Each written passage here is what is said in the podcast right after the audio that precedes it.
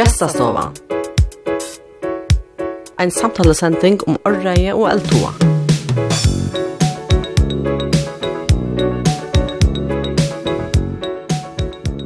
Og i Bretlandet kom samføringen til Nazara, at det kunne ikke være rett at han og andre som han måtte brøyda seg for å kunne tryvast i fyrjun. Og tog kom han heim a berjas for i janrettendom. Hetta gav stor urslit, og enn ikkje kom i mal framvis tega folksi og duon, tog det ikkje mengna bera dømingsna som enn livur midlomanna. Sjolvor i vestan ikkje ui at det vi futt, annars hei han ikkje vilja tidsi henda bardi av.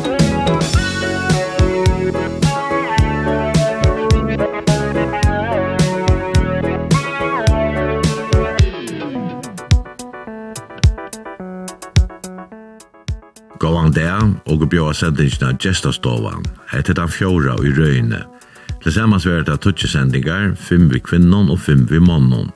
Gjessa stovan er en prat eller samtalesending om areie og eldhoa og abyrdartøke. Og sessa var i gjesta stovan hinne med en bor i ennu Eiler Fakraklett og Signabø. Velkommen Eiler. Takk for det.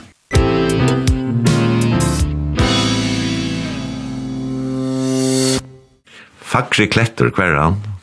Ja, Fakri Kletter, han uh, ligger ångstans i middelen Kotlafjør Høsvik, som i skilja lennon er det ångstans bjørgjær som vi kallar for smyen av landsversk, men jeg skal vidkjenne, jeg har ångad møtt honom, så jeg var faktisk kjørla hva han er, men jeg har det, det er appemun som hever hørst navnet og hørst steg, eller til steg, og valde så at takk at som navn til familien, og ja. Hva er navn hva grar? Thomsen. Thomsen? Ja. Så det ble et ordentlig godt først navn. Ja, det var for Nick Thomsen og posten han blandade i sådana kassor. Så det valde bara att det högt så däckna Vi Och här sändes det faktiskt oss om till en hjärtamal, men på det här oss om tøyt starv og fagøtje, utbyggving og er du vaks opp og så framveis. Men vi hade kunnat börja ut en hjärtamal. Du är blivit rätt känter som, som talsmäver, eisne kursier för LGBT, som nu har virka i 20 år. Og det har virka till framme för kinslige minneloton, rettendon og, og at være godtisjon, lovarlega og eisne, som man sier, sosialt og middelmanna. Ja, rørsla for samtvuid og tvørkjent, det er det sier. Det er hent øyla noe som sørste tutsjo årene, det, det, det er bare tutsjo år i manna søvne, og ja, alt mølt å komme på plass, eisne lovarlega. Ja, jeg sjå an det fyrir meg virka det som det er ikke real lengt tøy, og det blir redan en parti men men sannolikt er som du sier at det er redan hent på en stort tog mot til mot kanske til ära rørsler, altså så de ser han bara ut köska på rörslen det er slett ikke normal hun er mer 100 år gammel, så på 20 år om man så enda sier at hun er kanske 20 år så hon får nog långt åter än stort år så er det en brott det skal det vi kjenne, ja og det er, er självbilden ut då är ju slä hitchat og eklai Hva var strategien? Ja, strategien var um, at man har en komal som man sätter sig allt med vurst och, og fördel värska att, att röka som malen och man är helt fast i det allt och ja. Och har ikke gjort brøtt strategi siden. Och det är olika punkter man vill sätta noe som fire kan ta är vi skulle til jöken föra. Först og främst var det opplysning, det var att upplysa folk hvor vi var om tog att det var det som står för mangler för førgen, vi var ett tabu ötje vi var att leva i skuggan skugga så in i samfunnet at få folk opplyst om at vi var ikke farlig som de, de var ikke grunn og helt vi var Men det er så, som er så viktig at vi skjønner gjør det selv, at, at folk finner mulighet, altså ikke vi var Så det er at det er rett nett at reis nekka som man ikke kjenner, øtten for de åkjenda, men hvis det knappt har funnet ut i at, at det er ikke bare anker sjåan for noen eller anker som har hørt i togjen, noen eller anker som bor lengt vekk i Amerika, men det har faktisk vært til grannar og til, til familia og til kollegaer, tar det synder verre at, uh, at det er nødt til å forholde at man er til det som et menneske. Og det er også viktig for åkken, jeg kjenner ikke åkken i samfunnet og i milen og bjør fram og gjør det uh, kampanjer her i vurs til at vi, vi var bare vanlige folk og at vi ikke så fikk vi i følgen av samme foto som et lander. Et annet punkt uh, var at det skulle samtjente färgen skulle trivas da, så vi var inne og rundt at kjipa for tiltøkken, så sånn at det ble et, et, et miljø for LGBTR, så sånn at de følte at de kunne trivas i färgen. Det var et punkt. Men så var det det som var en alt jo at raka, altså Vesterheimen hever hade passa til raka vi at at andre land Vesterheimen har yngsta sama, at man yngst at at minnlotar så som vid skulle få større rundt i samfunnet og skulle få en jaun ratt Og samstundes skjønner gjøres i utenske milene. Altså ringte det at tendra en Netflix-serie uten at samtidig personer er vi på en eller annen måte.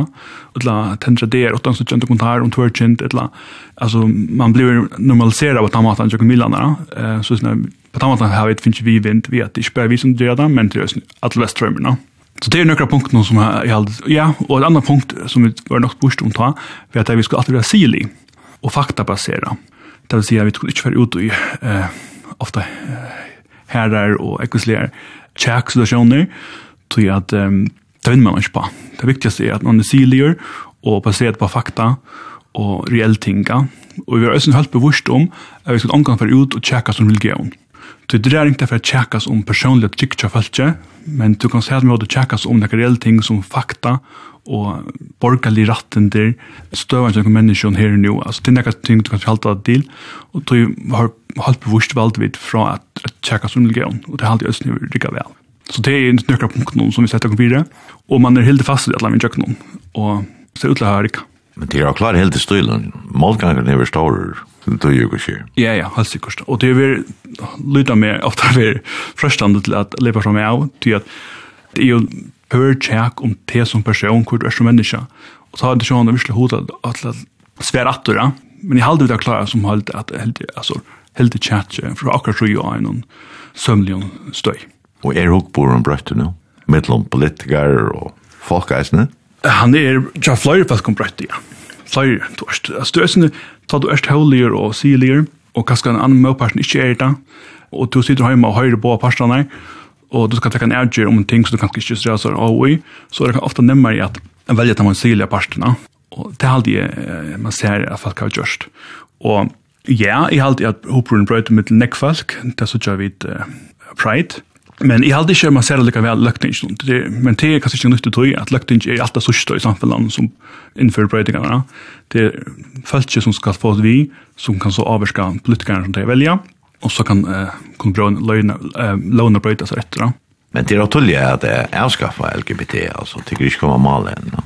Nei, det er bestemt ikke. Det er så ut så sant som nu vi FSF-malen, att det kan bli en sorts skandala på sjur att att at folk vill att ha en elboa för har en arme, alltså det var ju så det var ju så ting, med ett annat ting, så att vi kommer Er det förrjar som är att han har inland det er gos for är institutioner i förgrunden det är også om UEFA och FIFA och ja jeg jag alt det just ja ja.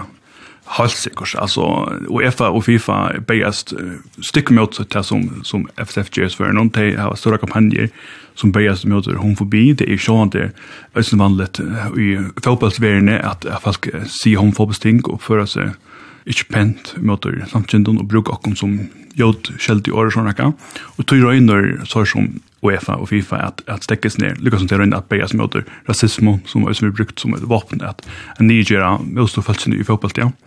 Og så säger så, eh, FSF er inne på Wurst sier at det blir verja krenkaren, altså folk som ikke, ikke er verja eh, samtjent. Eh, Det er en egentlig interessant posisjon å teka, det er nok ikke til å se i Vestrøm, alltid. Jeg har ikke hørt om det ganske svar for. Og se alt det er og tog jo rett han også, kanskje omkring langt inn til, ja, 26 tror trus b, til tøksene tøy. Helt sikkert, ja, men det er alltid, det er nok, i øtlund og ikke samfunnet, altså, jeg vet ikke om det mennesker bare for å gjøre, altså, det man er alltid, jeg synes, 18 for, ja. Og løy til samfunnet, Og nemlig, ja. Jeg minns det var en kanning, om små samfunn i Europa som här følger faktiskt ikke var ringast. Ja, nämligen. Nej, och det er det som jag säger, jeg har sagt så ofte før, at, at følger är inte, att följar föringar är inte öntar eller mer homofobisk eller vilje inte och mer önt enn någon land. Det snurrar ju om eh, hockbrötningar, det snurrar ju om att upplysa folk om hva situasjonen er, och så går nok nog komme komma og så vil vi, ja. alltså det är en tillgång som skal till och det er tror jag, alltså du sier som sjálfur at det hent nek på tutsi åra, men det er også hent nek æsans på, på sota tøy, altså du det er ikke lengst igjen i at dette var allolet, nek på London, også under lommokene, og i fyrjun så, det er ikke bare her. Altså, det er Bretland, det står. Ja, sikkert, ja, og det er tross mig, altså, det er også nek kom på by i København og alle hans, altså, det er ikke bare i Færgen. Du nevnte fotboll, Jan, men det er reisende, det er reisende fyrir seg i alt sjå fotboll, enn at da skoar og andre gjør ikke inn og minne lotar av øtlen, som man sier. Ja, det er sikkert. Det er et ting at man brukar okkur som eh, altså, bann i år, det er skjelt i år, og man på samme måte skjøt etter kun øyne om, bare av øtlen og åttar av øtlen. Men det gjør også til at folk som er samkjent og til LGBTR-er, ikke uh, kommer ut som, som bare spør fotball, det er bare kvinner og menn, og det er jo ikke det som um, FIFA og EFA ønsker, og det håper jeg ikke FSF ønsker, så jeg håper det er for å tenke og brøyde sin holdning her, så sånn at det er plass for øtlån i fotball til følgende. Da jeg vokste opp, da var det folk som var samkjent og i, og i omkvarven, men det kom jo omgå det ut, altså. Hvordan er det? Altså også folk generelt? Ja. ja. Altså, det kommer fyrr og, og mer ut, har sikkert. Ja, og yngre og yngre, og Alltså det man säger är jag är bildsen ung hur ofta hur ung det är som kommer ut sådana här. alltså fast jag känner mig man ser det på TikTok och Instagram och såna här. Och jag är inte som sagt ju som tvärkända. Så ja, det har säkert brötnek, men Samsung är det så redan som inte kommer ut stadigväck.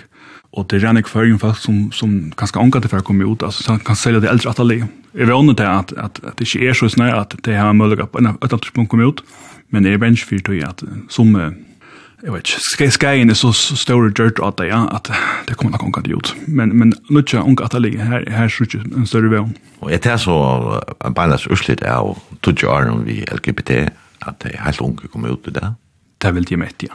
Tror att, um, att det är en nytt generation som växer upp och ser brötingarna, Og i middelen unge der, ganske særlig i Størboin og Mysteriøsten, er det ikke et issue som det har vært av vidt, var på til å være ung på samme måte. Og som, som vi sier, det er vokst opp i når vi er, selv om det var 20 år, er det sånn miler her til pøla med alt at det ikke er et problem, og sånn sånne viner kommer ut, og, og sånn miler er faktisk ta seg øvelsen etter kjørt fyra, altså det er skjønnelig kjørst, og ja, så det er helt sikkert uh, hent nekv, ja, men, men som sagt, til det er vi ikke kunne male, altså det er stadigvæk nekv som loja uh, har salige tropelager, tog at det er lengt fra perfekta, og For nek er det, er det skam knyttet at og uh, skuldakjensler, og og det er sintfotla nekka, vi er vi på en eller annen måte er større sintar enn andre folk og fyrjum. Og for nek er det en, en tung bidrag gang rundt og byrra på, og gjer større salige skei av det, ja. Gjestastovan Gestur er Eiler Fagraklett.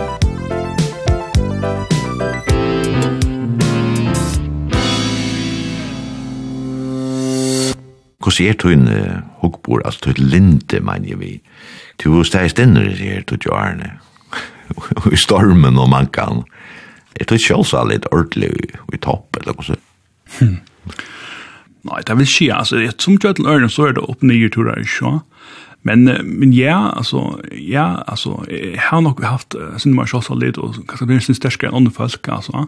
Jag känner ju andra folk som har varit som stöd som är, men är hakna under Alltså, jag känner samtidigt som att det inte löver sig, tror jag att jag är gott nog för dig. Alltså, det är klart livet i och mot inte bara lätta sig löv. Mm. Så för nek eh, heter vi harst och för ja, så där på en eller annen måte må jag ha varit sin størskere och haft man så lite en en ånden kanske haft. Men ösne jeg har kanske vært en, en privilegeret situasjon at jeg haft et gott backland då vi har haft gå for eldor, och jag har en fantastisk sjeik. Det är viktigt att ta, ta det stormer att du kan komma hem till en chicka havn, da det kommer til miljø og da det kommer til kærlighetslivet. Og det har vi kunnet, kunnet gjørst, og det gjør det lettere som er bergast da. Og tog en match, Jan Terje, han er over ved en fittan part av tegnen nå. Vi har vært sammen i fem år, så ja, men altså, det er vi en dikke stoler, haft han med meg, og ja, vi sjón det är ganska vidt som vi är mest framme offentligt men han sannligen steg vi men så ju alla vägen jag då och det är ju sjón det är glad tacksam för Du har lyst månen at jeg kan hvordan virkning ligger av er jo i sætsene, at, at du i Månland er aktivister, og hva merker det? Ja, det er jo det. Altså, vi, vi er bare samtidig, og en institusjon bare lykker nek at det skal være jaunratten for okken, for øtler følgene. Men, men som er ganske er mer aktivist, at det er aktivisthjerte, altså, at vi er aktiver, altså, at det er aktivt ferdig ut og, og gjør noe. Og det er en anpakket rolle man teker som mennesker, som er geng åtta, og som er fyllt vi, og som er stola til geng åtta. Og jag hade vi tar vi tar en god synergi, vi fungerer väl sammen och komplementerer varandra. annan. Här är stol i hånden, här tar han ganska är bruk för dig och och, och över till så så och det där som jag fungerar ju ungefär en gång för allt det är plus och minus och det gjør en synergi på en annan måte. Men tenker måneder månader av era ute i samfunnet och i det samma vi tulljöldene, jo också om i dit man har haft sin stress hvis man hvis man är allmänt samtidigt man har sin stress ejer från folk och hagen han och om om tär färre nya botten. Ja, alltså det är kanske lite svårt för kan andra uppleva men um, men alltså kost alltså det är stadigt ett issue för nek folk alltså det är nek som såg med först främst som bösse och att han som människa ett land som marsnar folk eller kadera men för mig så kan inte ta mig att out det är liksom tar problem. Jag har ett punkt vi går göra och det är det viktigaste. Jag tror vi så är glada och locally som de människor som är det och kanske andra skjuta till det som tar problem. Min min infallsvinkel tar jag för ut åt värsta. Men det var ju ordentligt om allt på samma sätt. Alltså som är ganska är mer sensitiv eller eller som är är lika stark och klarer ikke lykkes med sånt där Anton Ejon som vi har sendt, det vet jeg sikkert. Og fremvis er det anker som tenker seg sjående da.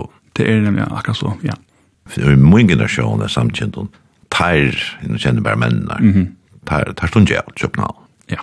Det er det nærmeste. Ja. Og det, det har vært også da jeg vokste opp, altså, mine arbeid er et av en samkjent som eksisterer i Førgen. Det motiverer ikke å komme ut da. Og det eneste som var uh, en positiv firmynd, kan man nok si, Det var Roland Samuelsen som, som jeg har kjølt i mange. av vet mannen, hørte jeg ofte om han, at folk tog så pent om han, kjølt om han samkjønter. Men det tog seg ikke om han samkjønter det dotter var hur han var og så kreativ han var och så raskran var og så alt det postet som han, og det är sån tæn som det LGBT personen av en yngsta täcker Roland og kopierar han hundra färnar dårst. så sån där en rikva förskon fire minutter, samtidigt fire minutter under färgerna og få ta inn i Milan og få ta rundt. så sån som at nu kan jag kan söka söka session en spekla session og i fast som är postet fire minutter. Ja, Roland, du nevner Roland han var kreativ som du sier. Han var by ötlun sjónleiki og mot han var ekki eisini mot man king. Ja. Som han var eller fitter. Ja, jeg var ni gott sjón. Ja. Jeg får også om uh, samkynde menn. Hvis jeg hoksa til motorheim noen, og frisørheim noen, og luktelsesheim noen, og kladnaheim noen. Veldig størst av samkynde menn. Ja, og så det, det er sånn om yeah. film, om list, altså, verden har vi reale fatak utan okkom. Eh, hvis du tøks alt samkjent der tonlakere og listafolk og vindløsmenn og, og Alexander den Store, altså det er reanig folk som har samtjent. Hvis det er alt bare fjerne i søvnen, så var knappt hjemme i reala fattig. Og ja, det er jo nøkker, nøkker økker man her, man trives bedre i, eh, ofte man det skapende. Hvor helt du at det er samkjente menn som styrødelsen er kreativa marlamene, en storm prosentparti kurser. Mm. Ja, det er ganske en, en større djupere spurninger. Du er en designer, ja. Ja, ja, jo. Altså, det har vi kanskje nekka vi at gjøre, det har vi at man vekser opp under vi her, du alltid får vite at det er galt vitt der, så skal du lukka som vi kompenserar ikke, du skal gjøre alt ega godt og ega tøtjene bedre, du vet. Hvis ikke kan vi være godkjender og samkjender, så kan det også være godkjender som en god designer, et eller annet som en god sanger eller hva det er. Og så får jeg det ganske inn og drønner gjøre seg ega gående til å gjøre ikke noe. Det er ganske en faktorer som gjør det at uh, man, man klarer seg vel til å gjøre ikke noe.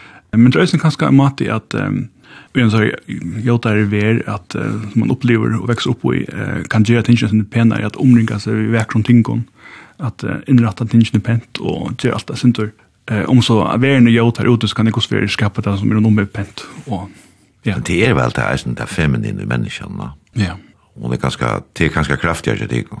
Ja, og så tar som de menn, de samtidig menn, altså tar jeg her ganske mer, eller vi tar mer, samband vi akkurat maskulin og feminin syra.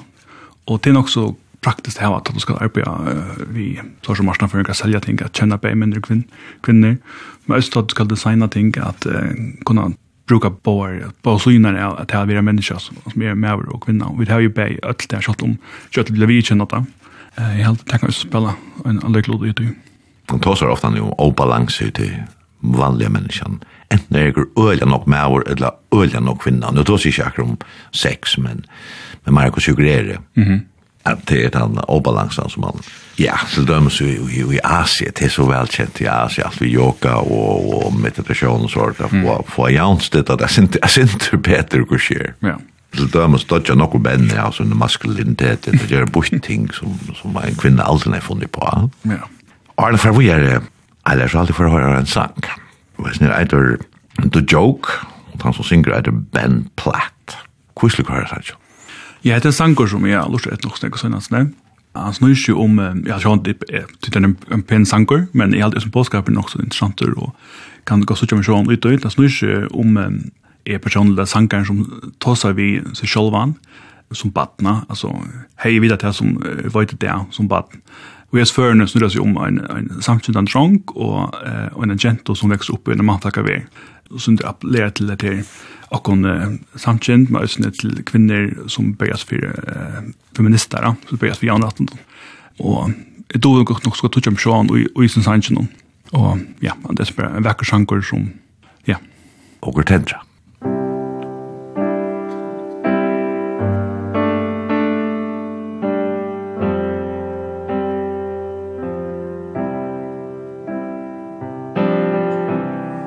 Feeling nervous, aren't you, boy? With your quiet voice And your impeccable style. Don't ever let them steal your joy Or your gentle ways To keep them from running wild. They can kick dirt in your face Dress you down and tell you that your place is in the middle when they hate the way you shine. I see you tugging on your shirt Trying to hide inside of it And hide how much it hurts. Let them laugh while they care. Let them spare Let them scatter.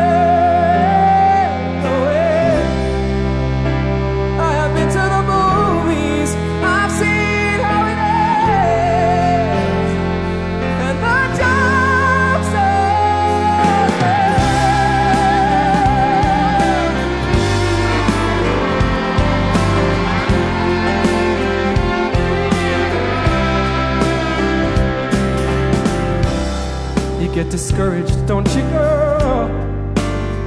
It's your brother's world for a while longer. Gotta dance with the devil on a river to beat the stream. Call it living the dream. Call it kicking the ladder. Thank up to kick dirt in your face. Dress you down then displace you after carrying your baby on your back across the desert. I saw your eyes behind your hair and you're looking tired but you don't look scared.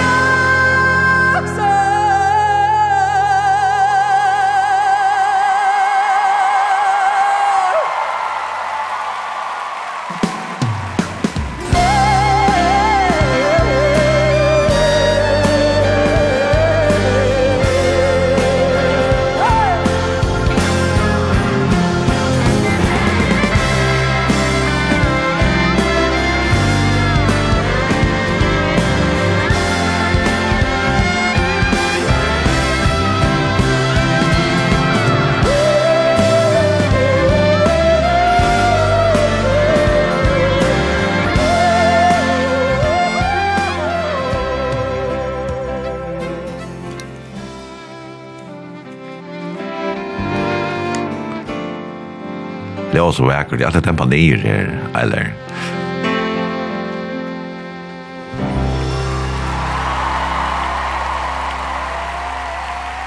Live from Radio City Music Hall, Ben Platt, i 2019, The Joke. Og Eiler Fakraklett er gestur, og i gestastående, og pratesyndrom, Arei og Eltoa og Louis V. Annars. Ja, hva er The Joke? Vi sanns noe. Alltså det är som han då sa ju om att att att han kommer för att till han fem år gammal drunchen då som center här where half hour för att vi är översen för att vara torst. För fighter att vara för femininer att att ja allt är bara generellt sköft ut här som människa. Och att du ska bryta det och du kan inte skynna som tar väl att du är sta att hemma kunde för att till han drunchen och sagt att det är okej ja. Alltså om 23 år så färdtingen brytas och og du pjøs ikke gratta, og du pjøs ikke at, at, at gjøre opp til at um, det er veldig bedre. Og jeg synes enda at the joke is on them, ja. Falskene som ikke er ringt. Happerne, de som ikke er ringt, de som ikke er at du ikke skal fra til, og at du ikke skal ha som ratten der, og at, ja, som sier at det er gale vi tar. Sørst enda så er det joke on dem. Hva er det psykoterapien? Omkrar greina det psykoterapien. Det er fem atter. Så det taggar seg nemlig av badnen som, som ble svitje, eller man sveik seg selv han ta, eller mm. det var til Joar også. Mm. Og, så. Mm. og det skal være stor avskan av liv nu, altså. Men det er jo årene, du nevnte, du nevnte året happinga, at dere setter øyelig mestur i folk ved at sier gra mening som, som oftast er meningen til entreprenøren, foreldre og et eller annet som har helt. Ja. Alltså år är ett särskilt vapen som till alltså. Det stinker ofta neckjuper när kasvör. Och happening är alltså att jag börjar happa någon annan eh det upplever att vara men bara alltså fast lite happa någon annan som vuxen falska och folk happa någon annan i luktings luktings rör på att alltså i fruktligt att det framvis äckla jag vet inte ju. Och det säkert bara är alltså det fast inte vi och så tar jag en konsekvenser på att det sia. Det det är drult att man inte man har lite empati så ständigt Alltså hvis man tänker statistiskt, det är mer, fler än 30 folk i tingen, det är inte onker samtidigt så. jo, jo, det har varit samtidigt, alltså öppna samtidigt och lagt tingen. Ja, men inte löv nu. Ja. Nej, och också nog inte ont alltså, alltså och vi inte kunna och det kanske när vi skulle vara så är inte göra det sätta sig inte mer in om kaffe och avskan och gräva och någon annan. Självande, det är självande, det är här du ska börja då, att fortälja skolabötten att, att människor lyckas värt. Mm og at alt skulle ha så mulig at, at finne lukkene i färgen og i verden. Og så han det, det er ikke alt som ikke har han bådskapen och då är det nekka krefter som börjar mot at man skal ta som här vid bøttene. Det här är så ofta så här, för man bør bli norskast uh, gula systemen. Det är ju att det vet jag ju hvordan så tuttingar mycket upplösning är då. Och lättja gott i bötterna och jag kan öll så at vi kan bli rymlige mennesker, det är det som är så viktigt. Man kan gott vara åsamt, men det är så det är viktigt att, att det är plats för öllna og at andre ikke stekker øren at blir lukkelig, at finner lukken i løvene. Et land som ikke skal gjøre noen annen, så, så skulle det alltid her i midten vil lykke mye. Og det er som snitt å skilje at andre folk røyner at styrer løvene til dere, bestemmer hva du vil. Altså, det er en eller annen slags makkeri. Og da man vel styrer øren. Ja, altså mennesker, mennesker da med kontroll, og ja, ja. Det er også en tjån til det, at det er en menneskers li instinkter, ja. Det er det. Og det er gammelt. Mm. Og fra evil living og naturen er takk tack vare lugga folk vi lövna och underjord. Ja, ja. Men uh, mitt uh, rönna börjar slicera i og tog skole skal komme vekk fra att vi uh, vi har förnick. Vi sitter minne jord og måre mennesker. Jeg leste han upprunna tutningen og tuskåren om Dan Onkel att dannelse som det danske er, at det er mest er bitja folk. Mm, Format det, ja. Ja. Hvordan var det vekst opp i Kattafyrre? Nei, det har vi faktisk funnet slag, det, det må jeg si. Altså, jeg har haft tve fantastiske foreldre, det var et, et trygt og godt heim, fullt vi kærleika, og man følte seg alltid vel her, men da. Eh, vi har hatt møter et lappa ur skolan, eh, og det var svarst. Men jeg halte i øsne, altså, ja, altså, det som man ikke, man kan si, det er så klisjé, men det som man ikke døyre, at det blir sterskere, ja, va? Og jeg halte i det her øsne vidla brinja med at jeg sprinja sterskere i 17 i løven, at man opplever motstå på den maten. Du opplever apping i skolan, og det var en av grunden til at jeg spurte om at jeg ane, at jeg vil sjåls og alle noen, sjåls virer noen. At ha stora motstøv eller motvind, så stender du som, ja, som etternavn sier, kletter. Mm. ja, altså, det her vi jaun, altså vi, vi rattvis, ja, altså at jeg har alltid haft empati for folk, ikke bare folk som munner seg sjøen, men også for ørenfolkene, det yngste bars for ting som er rattvis, da. Jeg synes det kommer til, um, till rasism och till just nu en feminist feminist alltså och har runt bars för att all på min egna matta kunna få som rätten där men akkurat precis kvui man blivit där mot att andra blå har ju kört så är fyr men det er nok også noe vi vet det som mennesker, og hva vi hva vi får vi bagasjene, og hva vi får av möjligheten att at bli det särskar ju sådana kan det er ikke alt som Men granskare och sosiologer er nok så, nok så einiger eller samter om at, at sumt er vi født. Altså, det er ikke alt som er miljø. Några elägar blir han födde vi eisen. Det var möjligt, ja. Ja, du steg upp för särskilna. Du, du har tidigt det tök som skulle tägas ett lass som du har mängna tidigt. Men helt då så omkan personliga priser har haft annars. Jo, det er det helst sikkert haft. Jag upplever alla mina nötter. Jag tror inte jag att mälta i minst ting til politiet. Jeg opplever allt stakare. jeg opplever at bilen er utsatt for härverk jeg vi nødt til å ha kamera utenfor min hus, for at uh, jeg sjekket hvor, hvor uh, botten gestet møtte opp, og då blir jo så nymme vi vet om alle, så folk synes at det ofte først og fremst som LKT, da, som samkjøntan, og ikke som eiler, eller sånn. Så det er en, en priser du skal betale, men det er samtidig en priser som uh, er fein betale, altså det som man finner at fire, jeg kan leva et, et, et fullt liv som man er 100% er versta hvis de skulle valgt om at det årsna, altså. Men jo, det er høstekraften en brus, og det krever en særskans psyko til at, at uh, gang standa åtta i en sårbar dag. Jeg får jo også nerva tabletter og altså, som man får bruk for. jeg heldur vil haft uh, en lower som gjør det, sin latter i at, uh, at, uh, at stekka folk som vil gjøre det ilt. Er fri nå? Nei, men uh, opp ned. Det er nekve, nekve merslitt fast til. Det må han bare vidkjenne. Jo, men jeg heldig så viktig at folk vet at, at, at, at det er ikke avkjøpes, og rattene kommer ikke på altså asosialvåna, og, og det er en bare det skal til, og nøkker folk skulle betala for uh, kostnadene, det er en priser, og at uh, få noen ratten til. Men John, det er ikke bare jeg, altså det er noen andre som øyne har utsett for noen ting. Jeg har ikke bare denne kampen som alle, vi tar jo er flere, som øyne har opplevd på Østvannet. Du har tredje vi har, tål jeg sier det for mannen, men du har rønt alle gale at det er Open Gay i UK. Ja, ja, altså, det er en lengre prosess, det er det ikke av fleste første gang. Det skal jo husk vi kjent for det Sjolvon og tåre at, at si at det er ganske mange å gjøre, ja. Men det kom ut for første personen da jeg var 15 år, men jeg gav vinkene, og så tar jeg over 20 hver dag for altså resten av min vinnerkrets. Og så låt jeg til England og jo gjerne klar, og kom hjem etter sånn, og ja, men som, som alltid er det, ofte er det for eldre som får det første vita, Og det er simpelthen tog at det er det man elsker aller mest. Og det er det som du minst vil skuffa, og minst vil... Eh, ja, man har en land forsiktig høyt til noen, at, eh, og det er sånn ut fra tøy som du opplever som, som batten og som unger i fyrjon, at eh, det er større chans for at, at foreldrene får kasta det fra seg, til samfunnet sier at du er så fryktelig menneske.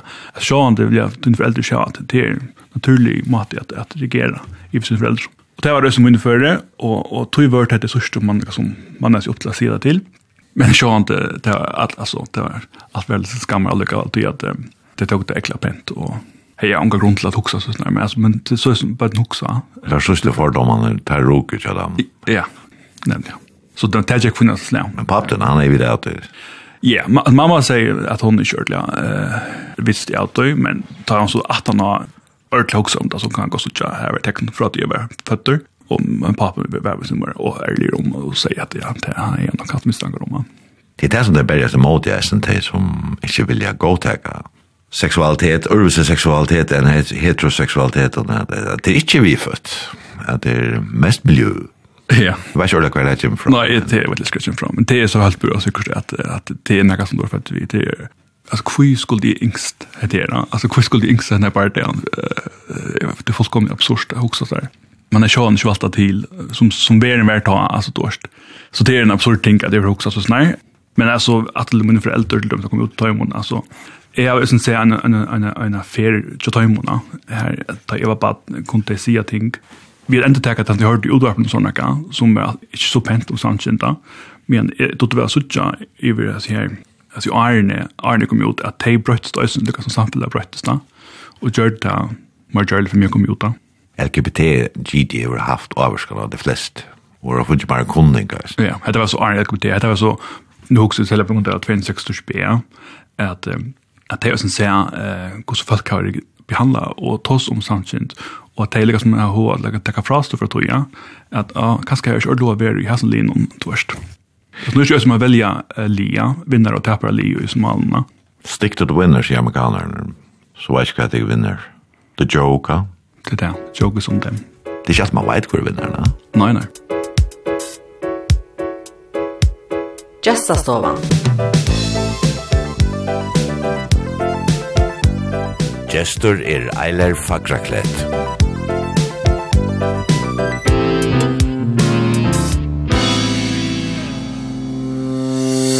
på Sverige Lancaster University.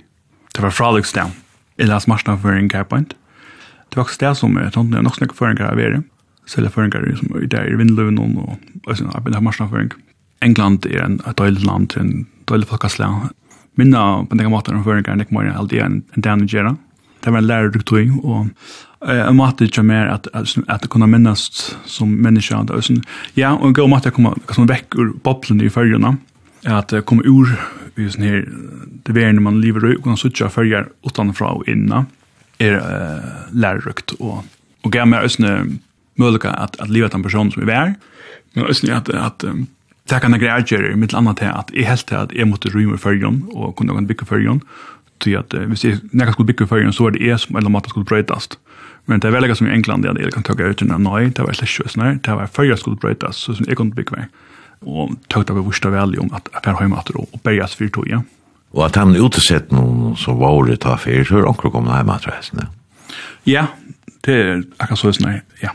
Altså, det gleder seg ikke av folk som er er kanskje oppe i alt trusjen om trusjen, og jeg vet samtidig, og bor blir utleggt alt løy, bygge at du tar hjemme og typ av tvørst, huset for og det gleder, det viser at, at jeg føler at nå er det mulig å kunne leve et bedre løy i førjen, at trivas det.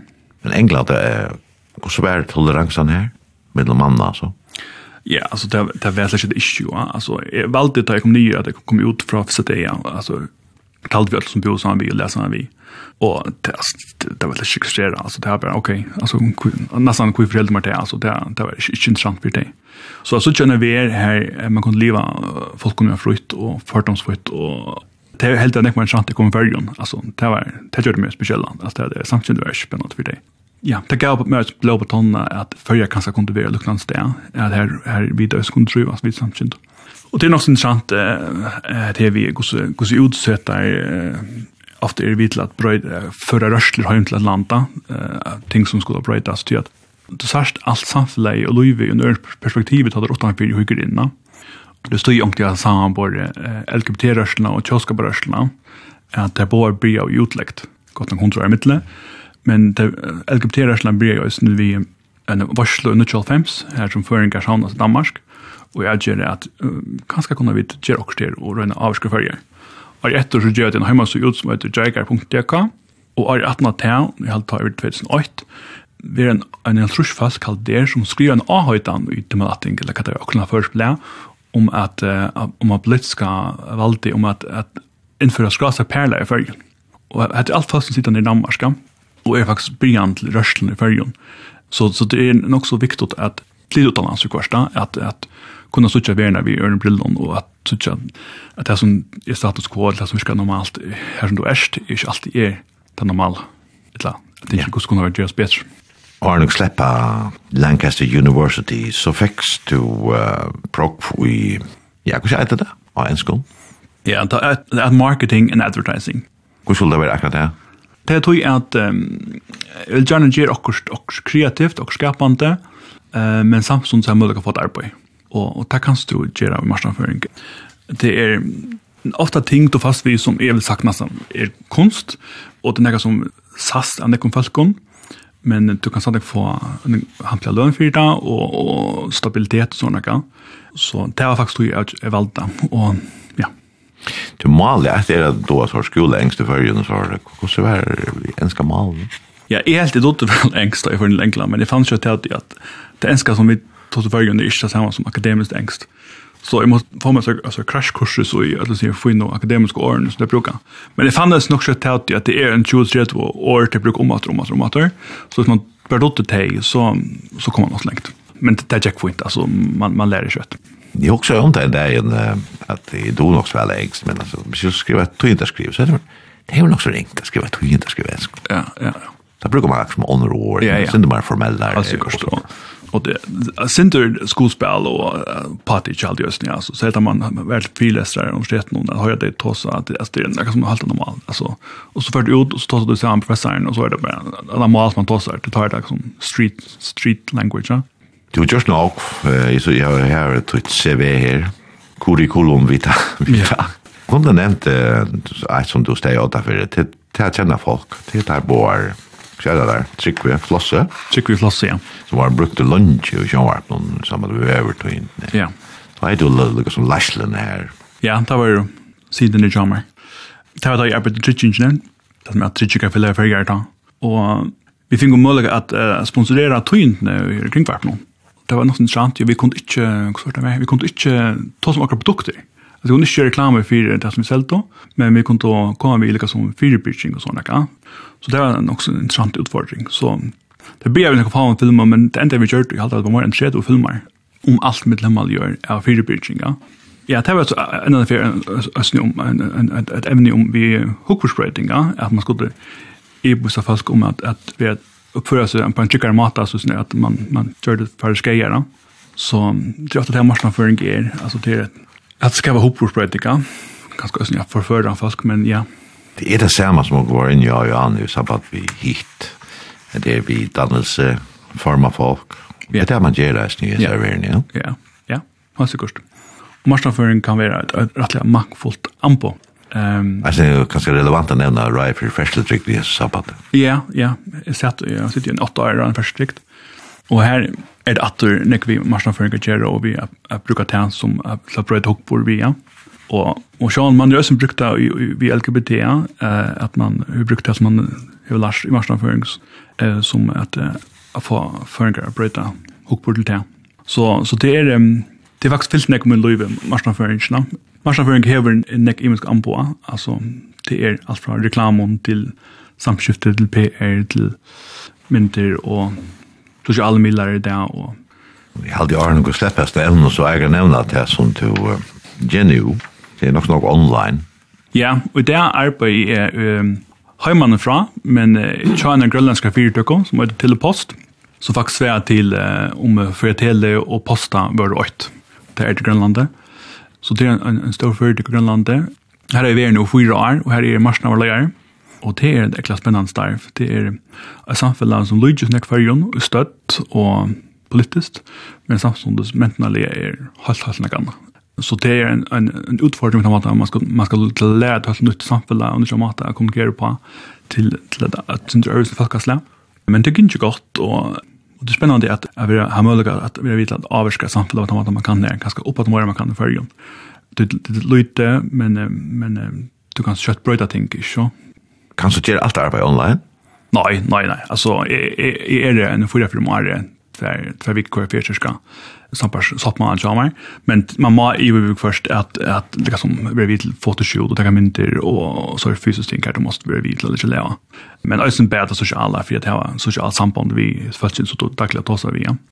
Men eh jag hejat arbete i Iron Corona kom og så kom Corona og så knappt att alla hem gjort det som är Og nu tar jeg korona blir mye atter, så er det stadig flere plass som NG at det er jo akkurat fyrt dere. Men altså, er en sammen ikke ordentlig døy ut til at man godt kunne arbeide hjemmefra, og vil ikke effektiv år, hvis ikke mer. Men det er aldri at akkurat fyrir dere då bedre så gjør jo at man får ikke, man er ikke nødvendig som er effektiv til at du møter opp til en kaffemån, og, og en, du er ikke, du er ikke ganske godt ved det effektiv år, en Zoom eller Slack eller Skype eller alt det du er til hånden der det er ikke nøyde at det etter en opptøk av, og da hun var sendt, så det kan godt være at jeg er nere i Playa Lingles, som er mot Anaheim her i verden. Oh, ja. Det er veldig nok lunge her, hvor det er. Her, her er god omstå for uh, samkjent og urbese på æramater, folk at, eller minnelåter, rettere sagt. Ja, ja, det er et, et av sånn samkjents hotspot, eller sånn der, rundt i verden. Pleid Lingles er et, og Setjes utan Barcelona. Og faktisk synes Lotla, det er så støv som andre greier det slår jo på en til. Så jeg, jeg jeg vet ikke om folk får en ganske anker for kultursjokk da de møtte opp av slukken stronton. Men um, det vil jeg ganske snakke. Jeg er for en gang ganske nyr her, og lære seg nestra kærlek. Ja, nemlig. om rymlighet og at yeah. plasker vi øtlen av strontene. Og for jeg gjevast nå, eller faktisk klett, Det var bara 20 år i LGBT, og, men du sitter ikke nevnt i akkurat nå. Nei, ikke på nå, nei. nei. Men hvordan ser du for det, det neste 20 årene i utan du skal være så veldig konkret? Nei eh för LGBT. Eller samfunnet. Ja, alltså jag hoppas att att man kommer vi är att lover vil vi är her, så att att vi ödler och Jansut leie. Men annars ber det att det går fram och att så har bagateller som att det här var ett tvättband vi alla på och inte kan skapa sådana skandaler og sånt, vi så her i för ja, att det her inte er et issue om det år. hopp i överslag att, at vi kommer så mycket lång, som samfunnet. Det händer. Det händer har säkert ena för ja. Og for enda vi en sanje som hever okkur vidt til og Megan, Jan Terje Gjera. Ah ja, hette er Mr. Bojangle, som er uh, fyrst sangren som vi lika som uh, spalte og da vi har fyrste daten vi var Så det er lika som okkara sanger og hver fram kommer fra, så, så har vi det godt å ta oss om. Ikke det sangren snur jo om uh, en tappdansare i en fångslig i New Orleans. Alltså, det är ikke det att han innehållsmässiga snurrsen om okkon, men det är den lötan och det minnene vi tävlar som gjør det etter liksom akkurat tanker og det er en god tanker. Det er han dansar, det kan være han dansar for det er, hvis det bor jungles. Og en, en, en sant tanker til, og er det noen kontosanker eller folksanker ikke, og Nina Simone halte jeg virkelig klarer at, at gjør det noe kalt annet, og det er ja, det er en virkelig veksanker. Takk for det, Eila Fagraklett, og godt sommer. Selv takk, og lykke matta. Takk for det. I knew a man, Bojangles, and he danced for you.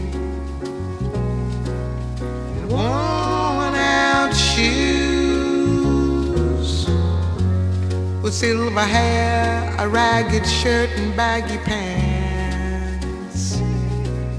The old soft shoe. He jumped so high jumped so high.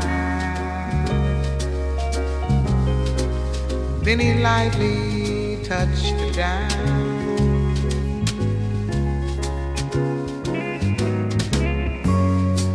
I met him in a cell in New Orleans. I was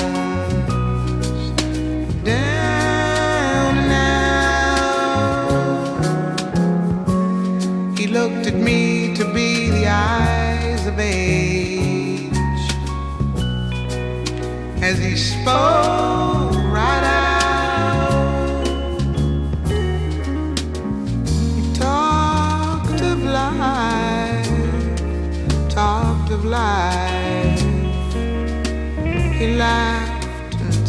left his leg a step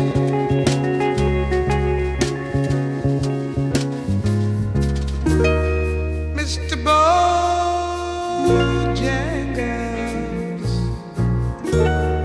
Mr. Bojangles Mr. Bojangles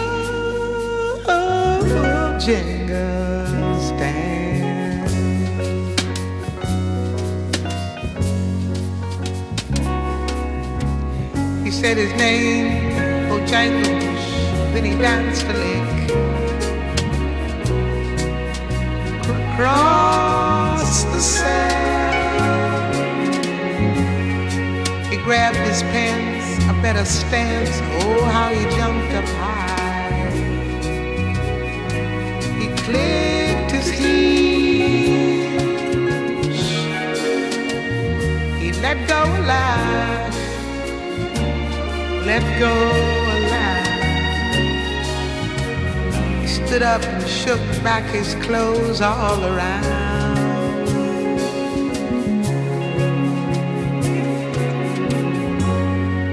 He danced for those at minstrel shows and county fairs.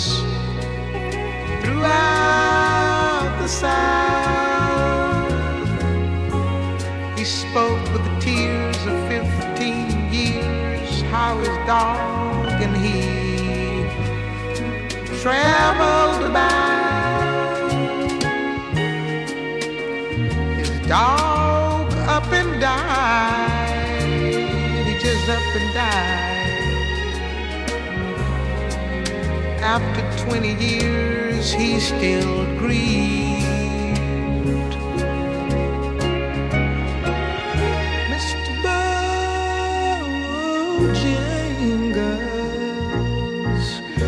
best Bojangles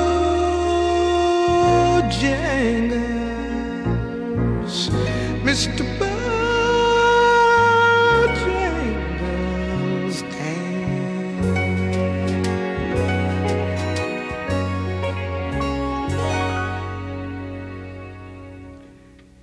He said I dance now at every chance and honky-tonk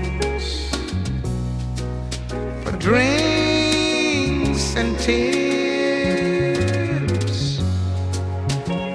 But most of the time I spend behind these county bars. He said, I drink some beer. He shook his head And as he shook his head I heard someone respectfully ask